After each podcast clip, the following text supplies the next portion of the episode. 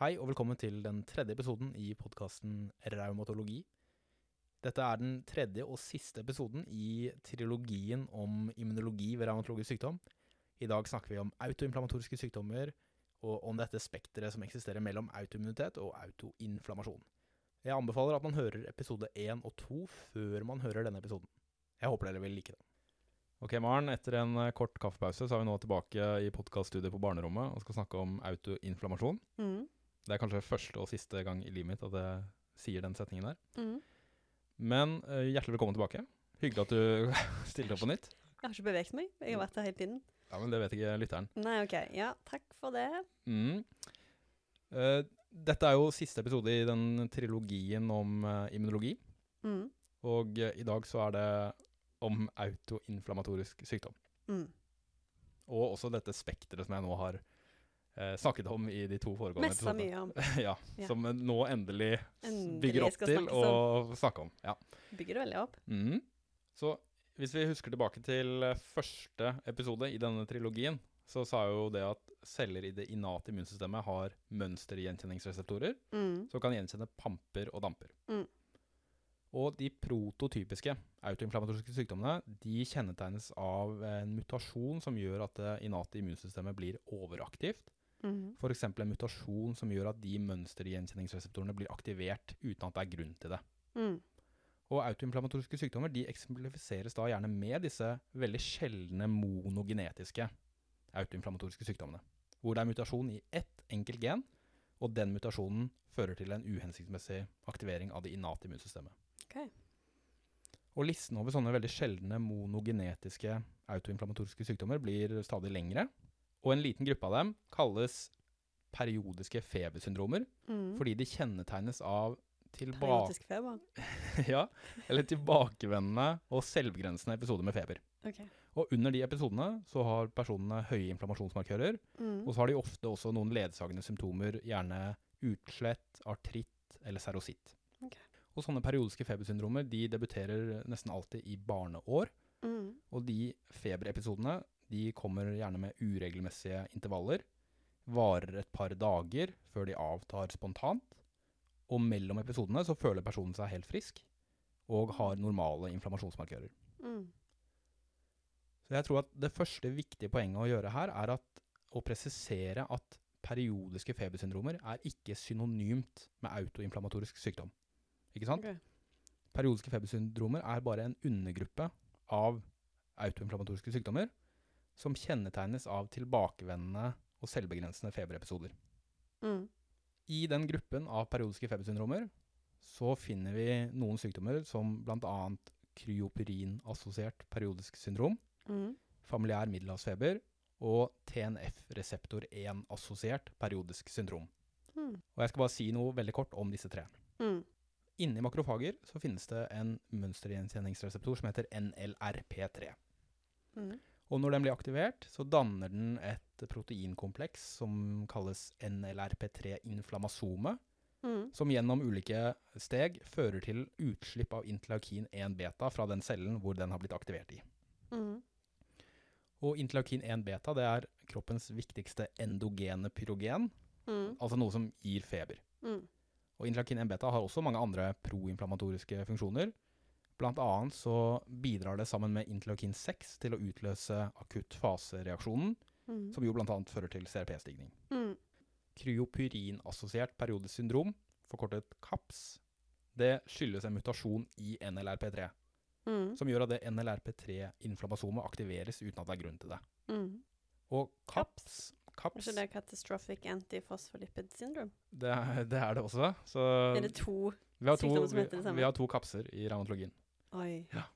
Så det er, eh, det er en Det er kilde til Det er forvirring. litt, uheldig. Men, det, nå, må bare, det, må jeg si, må bare si. Ja. Litt uheldig. men antifosfolipidsyndrom det er jo en autoimmun sykdom, og Mm. nå er vi i den autoinflammatoriske Helt- episoden. Så, så nå snakker vi om CAPS, og når jeg sier CAPS, så mener jeg kryoperinassosiert periodesyndrom. Altså en type monogenetisk autoinflammatorisk sykdom i gruppen periodiske febersyndromer. Mm. CAPS har tre fenotyper. De heter NOMID, Muckle-Wells syndrom og familiært kuldeautoinflammatorisk syndrom. Mm. Og før så ble de tre regnet som tre ulike sykdommer, men siden de skyldes mutasjon i samme gen, så syns jeg at det er mer hensiktsmessig å se på det som tre ulike fenotyper av samme sykdom, nemlig KAPS, eller kryoporin assosiert periodisk syndrom. Jeg tenker det kan være greit for lytterne å lage seg et lite, et lite tre. Lite, en liten flowchart. Det kan du veldig gjerne gjøre. Dette ble veldig mange grener av eh, ble veldig mange sånn under, undergrupper. Så det er Eh, Bare tips til lytterne. Tips til lytteren. Ja, men det, det er jeg sikker på at de setter pris på. Det er sikkert noe på nett der de kan finne sånn tre. Ja. Men OK, da kan jeg ta en Vil, Wells vil, du at, vil du at jeg tar en oppsummering av denne, disse grenene? Eh, nei, jeg tenker at de bare kan spole tilbake Ja. og høre det på ny og på ny. Det er helt riktig. Men da har vi tre fenotyper av KAPS. Ja. Mm. Og de tre fenotypene de har litt uh, forskjellig alvorlighetsgrad. Og det kan jo forklares av at ulike mutasjoner i NLRP3 gir en litt varierende grad av NLRP3 hyperaktivitet. Mm. Sånn kort fortalt så gir KAPS eh, episoder med feber og inflammasjon som varer ca. 1-2 dager. Mm. Og det er gjerne ledsaget av serositt og urtikaria. Mm. Og så kan noen av de ha inflammasjon i det indre øret, som etter hvert fører til nevrogent hørselstap. Okay. Og noen med KAPS opplever at anfall kan trigges av kulde. Mm. Og det reflekteres også i navnet kryoprin. Mm. altså at kulde, kryo, Mm. trigger feber, pyro. Mm. Kryoperin. Diagnosen CAPS den stilles hvis man påviser en sykdomsassosiert mutasjon i NLRP3 hos en person som har passende klinikk, Mm. og behandlingen er hemming av interleukin 1. Mm. Familiær middelhavsfeber skyldes en mutasjon i genet som kode for et protein som heter pyrin, Mm. og pyrin kan danne pyrininflammasomer, Mm. og pyrininflammasomer, i likhet med NLRP3-inflammasomer, fører til utslipp av interleukin 1 beta. Og dette muterte genet ved familiær middelhavsfeber gjør at de pyrininflammasomene aktiveres uten at det er grunn til det. Mm. Så familiær middelhavsfeber det er veldig sjelden hos etnisk norske, men, men i visse deler av verden så er det faktisk ganske vanlig. Mm. Særlig i Midtøsten og østre deler av Middelhavet. Mm. Så Tyrkia, Armenia og blant noen jødiske grupper i det området. Og familiær middelhavsfeber kjennetegnes igjen da av sånne periodiske feberepisoder. Mm. Det er ofte ledsaget av serositt og artritt. Mm. I motsetning til kaps så har de vanligvis ikke urtikaria, men de kan ha et sånn erysipelas-lignende utslett på beina. Mm. Og feberepisodene ved familiært middelhavsfeber de varer vanligvis én til tre dager. For kaps så var det jo én til to dager, her er det én til tre dager vanligvis. Mm. Stor forskjell. ja, Mm. og, og, det, og det er ingen, vanligvis ingen klar anfallstrigger. Eksempel, de opplever vanligvis ikke at eh, det, det trigges av kulde. Og ved familiær middelhavsfeber så er kolchisin vanligvis førstevalget i behandlingen. Mm. Og hvis kolchisin ikke er effektivt, så gir man interleukin 1-hemming vanligvis. Mm. Og da kan vi ta bare et lite sidespor om kolchisin. Mm. Fordi uh, kolchisin er jo en, et gammelt medikament, blitt brukt i en årrekke. Og vi vet ikke helt hvordan det fungerer, men man tror at, at medikamentet hemmer polymerisering av, av mikrotubuli. Mm. Og da må man spole ganske langt tilbake i sånn histologitimene i første klasse på studiet. Mm. Mm. Men dette med polymerisering av mikrotubuli, det har en betydning for celleskjelettet. Okay. Ja, og det er noen cellulære funksjoner som krever endringer i celleskjelettet. Så kolchisin kan da forhindre eh, endringer i celleskjelettet, og da blokkere noen av de eh, cellulære funksjonene. Mm. Blant annet så kreves sånn endringer i celleskjelettet for ekstravasering av leukocytter, altså når leukocytter går fra Mm. blodbanen Mm. ut i vev. Så det kan jo være hensiktsmessig, at du blokkerer rekruttering av immunceller, Mm. og dermed begrenser inflammasjonen gjennom det. Mm. Men kanskje som, noe som er enda mer interessant, er det at eh, I hvert fall syns jeg det. er, er det at det når disse eh, Når NLRP3 og, og pyrin settes sammen til et inflammasom, Mm. så er det jo mange proteiner som skal kobles sammen. Og den sammensetningen av proteiner Mm. krever også trolig endringer i celleskjelettet. Mm. Sånn at det kan tenkes at kolchisin blokkerer aktivering av inflammasomet Mm. ved å forhindre den sammensetningen av proteiner til et multiproteinkompleks. Mm. Sykdommer som drives av inflammasomaktivering, Mm. har ofte en eh, gunstig effekt av kolchisin og interleukin-1-hemming. Mm. Hvor da kolchisin blokkerer troligvis sammensetningen av inflammasomet, Mm. mens interleukin-1-hemming blokkerer jo konsekvensen av inflammasomaktivering. Mm. Utslipp av interleukin-1-beta. Og både KAPS og familiær middelhavsfeber de, de skyldes jo et eller annet problem med inflammasomene. Mm. Så de kan grupperes sammen i en annen gruppe som heter inflammasomopatier. Mm. Igjen, bruk treet. Så inflammasomopatier er på en måte en undergruppe av periodiske febersyndromer igjen. Mm. Men øh, nå er ikke altså man, Da ville man jo egentlig forventet at kolchisin var veldig effektiv ved KAPS også, men det Mhm. brukes sånn, så vidt jeg vet, veldig lite for den indikasjonen. Mm. Trolig fordi KAPS er en så Eller kanskje en mer hissig sykdom på et vis. da, Mm. At du trenger å blokkere interleukin 1 for å få en reell effekt av det. Ja. Men sammenhengen mellom inflammasomer og kolchisin og interleukin 1-beta-hemming det skal vi komme tilbake til også når vi dis diskuterer urinsyregikt litt senere. Mm. Så jeg tror det er bare nyttig å ha disse assosiasjonene sammen. Inflammasom, kolchisin, interleukin 1-beta. Mm. Neste sykdom jeg vil snakke om i periodiske febersyndromer, det er TNF-reseptor 1-assosiert periodisk syndrom, forkortet TRAPS. Mhm. Og denne sykdommen den eh, skyldes en mutasjon i genet som koder for TNF-reseptor 1. Mm. Patofysiologien her er ikke helt forstått, men man tror at den muterte reseptoren blir feilfoldet inni cellen, Mm. og at det utløser en sånn cellulær stressrespons, Mm. sånn unfolded protein response, Mm. som gjør at cellen produserer masse proinflammatoriske cytokiner, Mm. bl.a. interleukin 1-beta.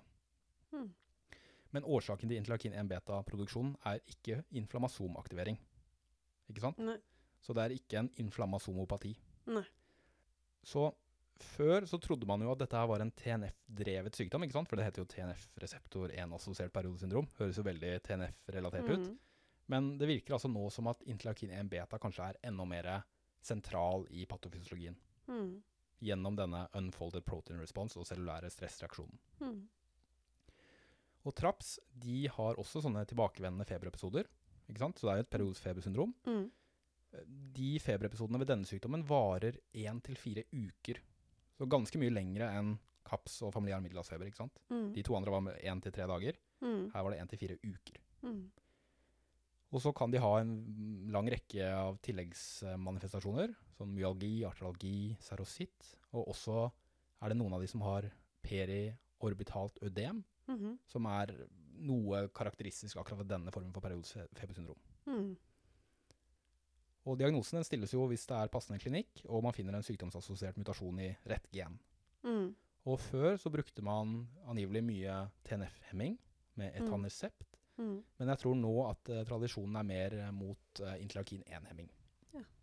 Jeg sier tror, fordi det er så utrolig sjelden at eh, jeg har eh, på ingen måte noe mye erfaring med, med å behandle disse sykdommene her. Da. Så hvis vi bare skal oppsummere litt konkret om disse periodiske febersyndromene, så kan man Mm. si at KAPS, der er det mange som har kuldeutløste anfall. Mm. De har gjerne urtikaria, Mm. og etter hvert kan utvikle nevrogent hørselstap. Mm. Familiær middelhavsfeber, er, da kan man se for seg en person fra Midtøsten eller østre deler av Middel Middelhavet, Mm. som har eh, feberepisoder med artritt og serositt, og eventuelt et sånn erysipelas-lignende utslett.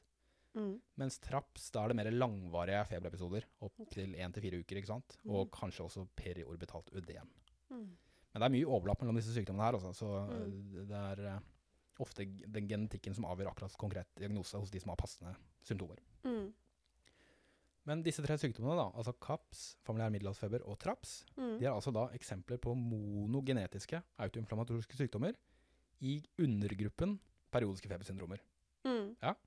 Og to av dem, KAPS og familiær middelhavsfeber, er i tillegg inflammasomopatier. Mm. Og de periodiske febersyndromene som sagt, altså de kjennetegnes jo da av periodisk og selvbegrensende tilbakevendende inflammasjon Mm. med høye nivåer av interleukin 1-beta. Og dette brukes da gjerne som liksom den prototypiske karakteristikken av autoinflammatoriske sykdommer. Mm.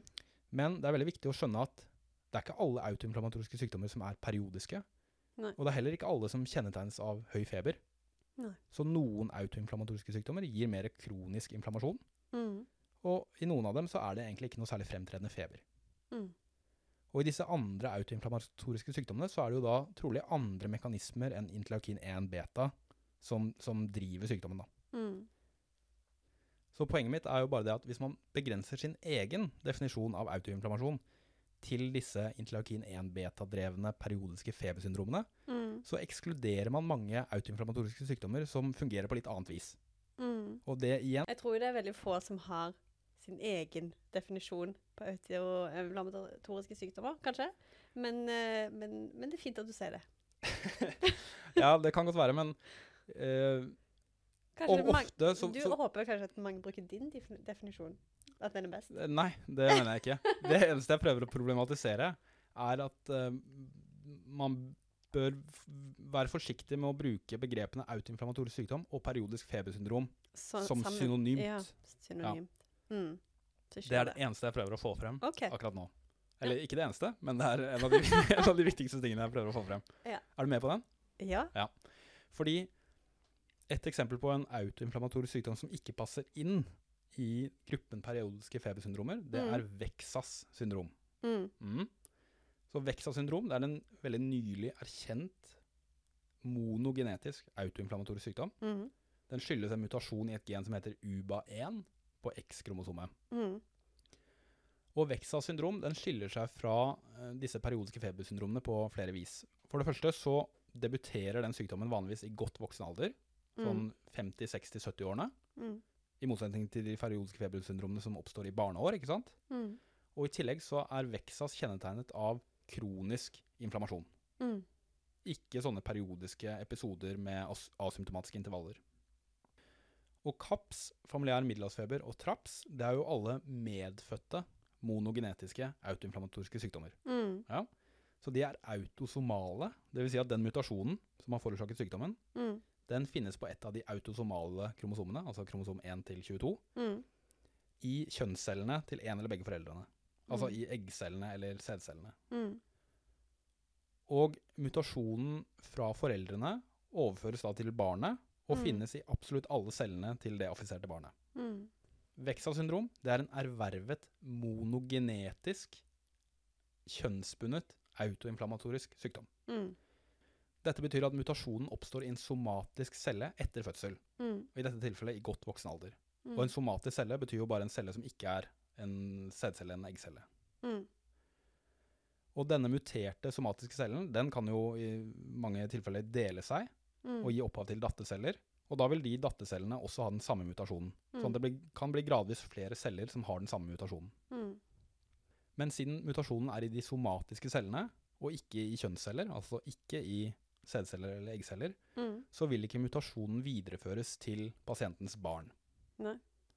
Og siden denne mutasjonen ved Vexa syndrom finnes på X-kromosomet, så er det i praksis bare menn som kan få denne sykdommen her.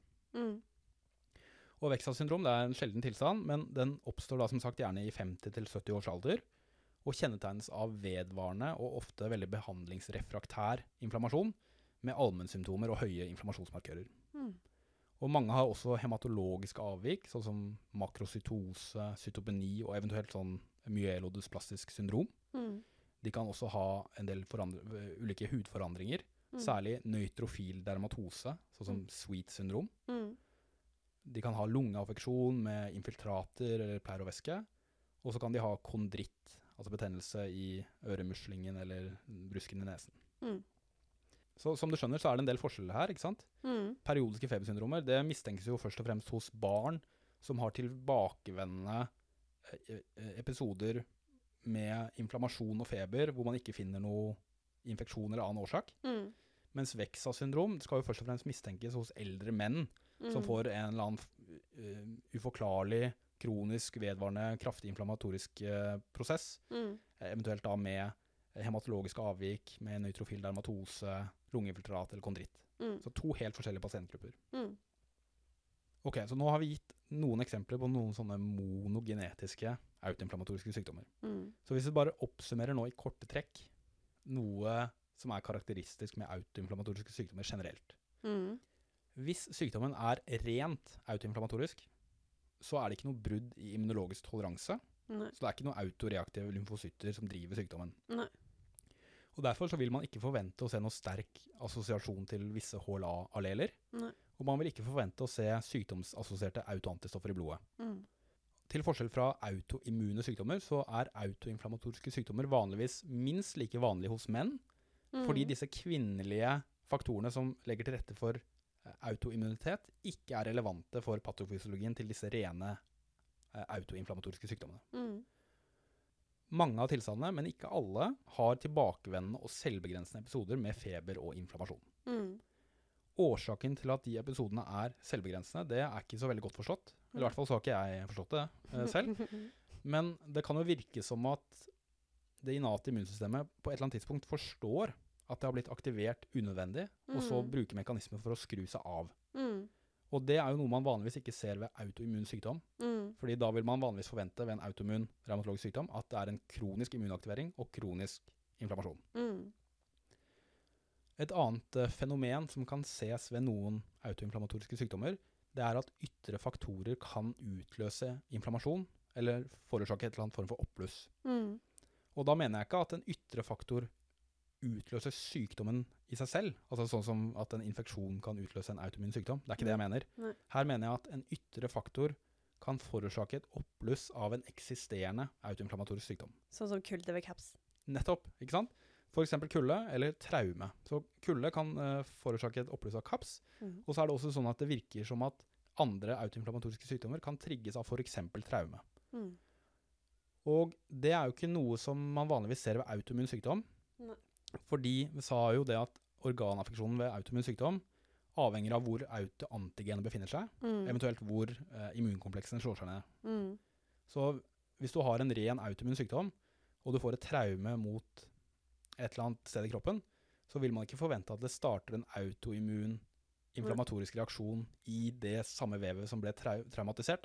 Eh, Det måtte i så fall være at autoantigen i det vevet nå ble tilgjengelig for immunsystemet, men, men la oss se litt bort fra det. La oss bare akseptere at vanligvis så er ikke det noe man ser ved autoimmun sykdom. Nei. Men ved autoinflammatorisk sykdom, som jeg skal komme tilbake til, så kan et traume utløse inflammasjon i det samme stedet hvor traume fant sted Mm. ved noen av disse sykdommene.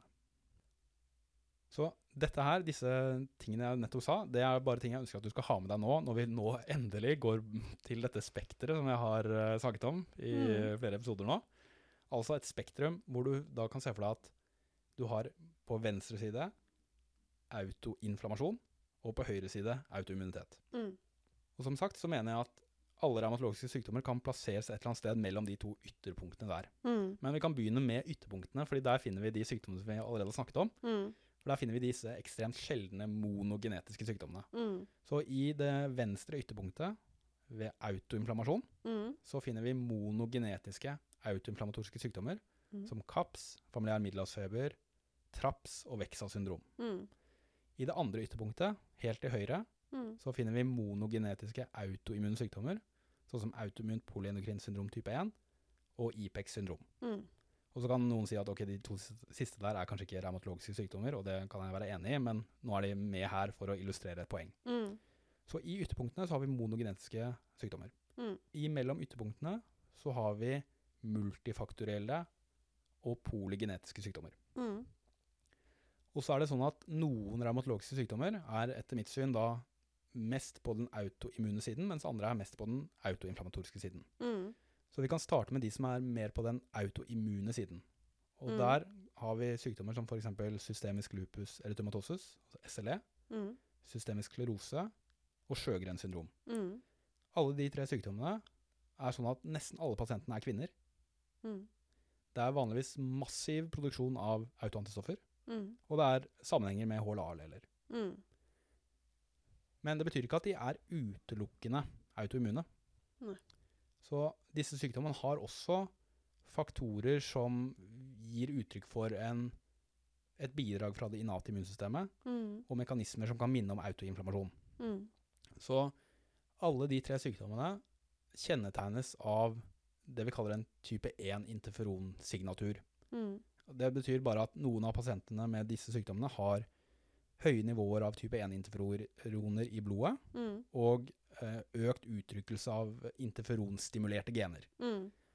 Og det er veldig mange celler som kan produsere type 1-interferoner, men den viktigste kilden til det er en type dendritisk celle, altså en celle i det innate immunsystemet, Mm. som heter plasmocytoid dendritisk celle. Mm. Og det som stimulerer disse cellene til å produsere type 1-interferoner, Mm. er at noen av deres mønstergjenkjenningsreseptorer blir aktivert. Mm. Og de mønstergjenkjenningsreseptorene som er særlig involvert i å utløse en sånn type 1-interferonproduksjon, Mm. det er TLR7 og TLR9 inni disse plasmacytoide dendritiske cellene. Mm. Og det er ikke så viktig å vite navnet på dem, altså, men bare som en kuriositet, så er det sånn at genet for TLR7 finnes på X-kromosomet, og det unnslipper X-kromosominaktivering. Mm. Så alle kvinner har dobbelt opp med TLR7, og de produserer mer type 1-interferoner når TLR7 blir stimulert. Mm. Og type 1-interferoner de har mange ulike funksjoner, men de kan bl.a. legge til rette for autoimmunitet ved at de reduserer eh, funksjonen til regulatoriske T-celler, Mm. og legger til rette for autoantistoffproduksjon, bl.a. Mm. ved å produsere faktorer som stimulerer B-cellene på et eller annet vis. Mm. Så der kan man jo på en måte se en viss kobling mellom det innate immunsystemet og autoimmunitet, i den Mm. forstand at de kan opprettholde en autoimmun prosess ved disse sykdommene. Mm. Så på bakgrunn av det, så ville jeg ikke plassert SLE, Sjøgrens syndrom og systemisk sklerose helt til høyre, sammen med disse monogenetiske autoimmunsykdommene. Mm. Jeg ville plassert dem litt til venstre for dem, men likevel godt plassert i dette autoimmune delen av spekteret. Mm. La oss nå se på noen andre revmatologiske sykdommer som befinner seg på den andre siden av spekteret, altså i den autoinflammatoriske delen. Mm. Og da kan vi begynne med urinsyregikt. Mm. Urinsyregikt det skyldes jo hyperurikemi, Mm. som fører til at det felles ut urinsyrekrystaller i og rundt ledd. Mm. Og disse urinsyrekrystallene de kan komme eh, ut i leddvæsken, og så komme i kontakt med makrofager, som da fagocyterer dem. Mm. Og når de blir fagocytert, så vil de fungere som en damp som Mm. aktiverer NLRP3 inni makrofagen. Mm. Som fører til NLRP3-inflammasomaktivering og Mm. utslipp av interleukin 1-beta. Dette er jo da på samme måte som disse monogenetiske eh, inflammasomopatiene. Mm. Men forskjellen er jo at ved disse genetiske inflammasomopatiene, så er det jo mutasjoner i inflammasomet som gjør at det aktiveres uten grunn, Mm. mens her ved urinsyregikt så er det de urinsyrekrystallene som fører til aktiveringen. Mm. Urinsyregikt har flere kjennetegn som gjør at det passer godt inn i et sånn autoinflammatorisk bilde. Eh, fordi For det første så er det rapportert eh, tilfeller hvor traume mot et ledd fører til et urinsyregikt anfall i det leddet. Mm. Og også det at disse urinsyregiktanfallene er jo episodiske, selvbegrensende, og pasienten er asymptomatisk imellom. Mm. Og den vanlige forklaringsmodellen for disse to fenomenene er det at nummer én et traume kan føre til at det løsner urinsyrekrystaller ut i leddet. Mm. Og to, etter hvert som makrofagene spiser opp krystallene, så vil anfallet etter hvert gå over. Mm. Og det er jo en veldig sånn enkel og tilfredsstillende forklaringsmodell. Mm. Men det virker som at virkeligheten er litt mer sammensatt, da. Mm. Fordi man kan hos noen personer med urinsyregikt finne urinsyrekrystaller i leddvæsken også mellom anfallene, Mm. når de ikke har noen symptomer. Så det kan virke som at inflammasomaktivering ved urinsyregikt også avtar av seg selv etter en stund. Litt på samme måte som disse monogenetiske inflammasomopatiene. Mm. Og på samme måte så tenker jeg, og dette, dette vet jeg jo ikke, men, men man kan jo tenke seg da at sammenhengen mellom traume mot et ledd og et påfølgende anfall i det leddet har en mer kompleks immunologisk forklaring enn bare rent mekanisk at det kommer krystaller inn i leddet. Mm. Kanskje. Mm. Hvem vet. Andre ting som gjør at uh, urinsyregikt passer inn i et sånt autoinflammatorisk bilde, er jo det at eh, menn rammes jo hyppigere enn kvinner, Mm. og det er ingen klare HLA-assosiasjoner og ingen autoantistoff. Nei. Så urinsyregikt er basically rent autoinflammatorisk. Mm. Men så kan man jo diskutere om det er en Altså, det har litt med hvordan man definerer autoinflammasjon, ikke sant? Fordi her er det jo disse krystallene som utløser anfallene. Mm. Så, så ok, men hvis man ser på rent immunologiske mekanismer, så er urinstrykt benytter seg av de samme mekanismene som disse rene autoinflammatoriske eh, Mm. sykdommene, Mm. med inflammasomaktivering. Og det forklarer jo også hvorfor kolchisin og interleukin 1-beta-hemming er effektive i behandlingen av urinstrykt anfall. Mm. Andre sykdommer som befinner seg i denne autoinflammatoriske delen av spekteret, Mm. er etter mitt syn Stils Stills med debut i voksen alder og Mm. Betchets sykdom. Mm. Så vi kan begynne med Stills med debut i voksen alder. På engelsk så heter det Adult Onset Stills Disease, Mm. og noen kaller det Adult Stills på norsk. Dette er en sykdom som gjerne debuterer i 20- eller 30-årene, Mm. og kjennetegnes av episoder med bl.a. høy feber, artritt, utslett og høye inflammasjonsmarkører. Mm. Og så er det sånn at noen personer har bare én sånn episode, mens Mm. andre har gjentatte episoder. Mm. Og da føler de seg i så tilfelle friske imellom episodene. Mm. Og adult stills det ses like hyppig blant menn og kvinner. Det er ikke noe klar HLA-assosiasjon, og det er ingen eh, sykdomsassosierte autoantistoffer. Mm. Så jeg tror mange vil være enige om at dette er noe som passer inn i autoinflammasjon. Men adult stills det er en polygenetisk og multifaktorell sykdom som vi ikke helt forstår. Mm. Så den er ikke like enkel å forstå som de monogenetiske Mm. autoinflammatoriske sykdommene. Så jeg vil velge å plassere den litt til høyre da, fra den eh, autoinflammatoriske ytterkanten. Mm. I noen tilfeller av adult stils så er det sånn at sykdommen starter med en eller flere sånne episoder med feber og flerorganaffeksjon. Mm. Men så etter hvert så vil sykdommen endre litt karakter. Altså at disse episodene forsvinner egentlig litt, Mm. eller de forsvinner, mens pasienten utvikler gradvis mer kronisk artrittilstand. Mm. Sånn at da er det bare leddene som er rammet vanligvis, Mm. og det er kronisk eh, plager fra leddene med inflammasjon i dem, men ikke disse feberepisodene. Mm. Og da kan man jo kanskje tenke seg at sykdommen har gått over i en mer autoimmun fase på et vis. Mm. Og det er jo ikke utenkelig, igjen, dette er spekulasjoner, men det er jo ikke utenkelig at autoinflammasjon også kan legge til rette for sekundær utvikling av autoimmunitet, Mm. på samme måte som at infeksjon kan gjøre det. Mm. Altså hos predisponerte personer så kan autoinflammasjon og det det medfører, med at det er masse celleskade, utslipp av damper, aktivering av dendritiske celler osv., føre til en situasjon hvor det kan utvikles autoimmunitet. Mm. Så kanskje det er sånn at de som har en sånn form for stills, med først anfall, og etter hvert forsvinner anfallene, men du får en kronisk artritt, Mm. at de går fra å ha en hovedsakelig autoinflammatorisk fenotype Mm. til en mer autoimmun fenotype. Mm. Kanskje. Mm. Da går vi videre til Bechdets eh, sykdom. Mm. Det kjennetegnes jo av orale og genitale sår, Mm. ofte i kombinasjon med uvitt, utslett artritt og eventuelle vaskulære eller nevrologiske manifestasjoner. Og Betchets sykdom den debuterer gjerne i 20- eller 30-årene. Det er en viss overvekt av menn, og det er ingen sykdomsassosierte autoantistoffer. Mm. Mange med Betchets har noe vi kaller patergi, som er at det oppstår inflammasjon i form av en papel i huden etter nålestikk.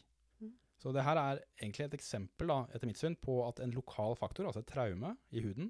Kan føre til en lokal inflammatorisk prosess i det samme området. Mm. Og, og, det er da kanskje noe som passer inn i, i autoinflammasjon. Mm. Noe som kompliserer plasseringen av Bechet i dette spekteret, er det at det, det, det har en ganske klar assosiasjon med, med et HLA-allel, altså HLA-B51, Mm. som jo kan potensielt indikere et bidrag av autoreaktive T-celler. Mm. Og um, det er ikke helt fullt forstått dette her, men, men jeg vil da tenke at Betchett er en sykdom som er overveiende autoinflammatorisk, etter mitt syn, Mm. men at det kan være komponenter av autoimmunitet som, som til stede. Og som gjør at det måte plasserer seg til høyre for de monogenetiske autoinflammatoriske sykdommene, men allikevel godt på den autoinflammatoriske halvdelen av dette spekteret. Mm. Den siste sykdomsgruppen jeg vil snakke om, det er spondyloartritter. Mm. Og spondyloartritt det er en fellesbetegnelse for aksial spondylartritt, det som før ble kalt Bechdrevs sykdom eller ankloserende spondylitt, psoriasisartritt, reaktiv artritt og artritt assosiert med inflammatorisk tarmsykdom. Mm. Alle disse sykdommene grupperes under fellesbetegnelsen spondylartritt fordi de har mange likhetstrekk. Mm. De har alle en tendens til å gi artritt i ryggen, som vi kaller spondylitt, Mm. særlig artritt i iliosakralleddene, som kalles sakroilitt. Mm. De kan også gi artritt i eh, perifere ledd, særlig i knær og ankler. Mm. I tillegg så er de assosiert med uviitt, entesitt, daktylitt, psoriasis og inflammatorisk tarmsykdom. Mm. Og spondylartritt, særlig aksialspondylartritt, har en meget sterk assosiasjon med HLA B27. Mm. Ikke sant? Og det er, derfor, det er lett å da tenke at dette her må være sykdommer som har et veldig sterkt autoimmunt bidrag. Mm. Og for det var jo lenge en tanke om at HLA-B27 da altså kode for MHC-proteiner som presenterer sykdomsrelaterte autoantigener til autoreaktive T-celler, Mm. som i sin tur forårsaker disse sykdommene her. Og det ble kalt den artritogene peptidhypotesen. Mm. Men problemet er at det virker ikke å stemme, egentlig. Fordi i hvert fall i dyremodeller med mus som har HLA-B27, så ser man at spondylartrittlignende tilstander kan oppstå selv om man fjerner T-cellene. Mm. Så sammenhengen mellom HLA-B27 og spondylartritter virker å være en eller annen sammenheng enn autoantigenpresentasjon til Mm. T-celler. Og det er flere uh, hypoteser rundt dette her. En av dem er at hos de personene som utvikler spondylartritt, så koder HLA-B27-genet for et MHC-protein som har en tendens til å feilfoldes inni cellen Mm. og utløse denne cellulære stressreaksjonen med Mm. unfolded protein response, som i dette tilfellet gjør at cellen produserer masse proinflammatoriske cytokiner, som interleukin 17, interleukin 23 og TNF. Mm. En annen teori er at disse, hos de personene som har spondylartritt, så vil disse MOC-proteinene danne dimerer, altså de vil koble sammen to sånne MOC-proteiner, Mm. som da uttrykkes på cellemembranen. Og vanligvis så er det bare ett og ett, ikke sant? Mm. Men nå er de to av dem koblet sammen. Og det vil andre immunceller i det innate immunsystemet registrere som unormalt. Mm. Så det vil de reagere på, og Mm. produsere de samme proinflammatoriske cytokinene. Mm. Så det betyr jo da at koblingen mellom HLA-B27 og spondylartritt virker egentlig å være knyttet opp til autoinflammatoriske mekanismer Mm. gjennom aktivering av innate immunceller. Mm. Og det er jo mye med disse spondylartrittene som passer inn i et autoinflammatorisk bilde. Fordi For det første så rammes jo menn oftere av disse sykdommene enn kvinner, særlig ved aksial spondylartritt. Og det er ingen åpenbare sykdomsassosierte autoantistoffer. I tillegg så er det flere sånne biomekaniske komponenter av sykdommene. Mm. Så spondylartritt det er entesesentrerte sykdommer. Og det betyr at eh, disse leddmanifestasjonene virker å utgå fra inflammasjon i entesene. Og enteser det er de stedene hvor eh, sener og leddbånd og leddkapsler fester til bein. Der er det en entese. Mm. Og det er mange sånne enteser i kroppen, både i ryggen og i eh, perifere ledd. Og disse entesene, du kan jo se for deg at de blir jo utsatt for strekk og mikrotraumer når man Mm. er i bevegelse. Mm. Og hos friske personer så vil ikke det registreres i det hele tatt, egentlig. Mm. Men ved, hos personer med spondylartritt så vil disse mikrotraumene føre til en unormalt kraftig immunaktivering og inflammasjon i entesene. Mm. Og dette her, fenomenet her, hvor traumer utløser inflammasjon i dette området, kan forklare hvorfor spondylartritter har en tendens til å ramme vektbærende ledd, ikke sant? Som Mm. sakro, nei, iliosakralleddene Mm. og knær og ankler. Altså steder som er utsatt for mer belastning, rett og slett. Mm. Mm. I tillegg så er det sånn at alle spondylartritt-tilstandene de har en assosiasjon med psoriasis. Ikke bare psoriasisartritt, men også alle de andre. At det er en overhyppighet av psoriasis hos disse. Mm. Ved psoriasis så er det jo noe som heter Købners fenomen. Mm. Altså at det oppstår psoriasisplakk eller psoriasislesioner i huden etter et traume i huden. Mhm.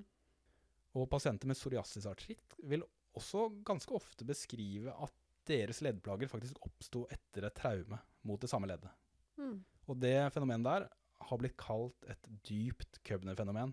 Altså noe som skjer dypere enn huden, da, i, i dette Mm, tilfellet mm. i leddet.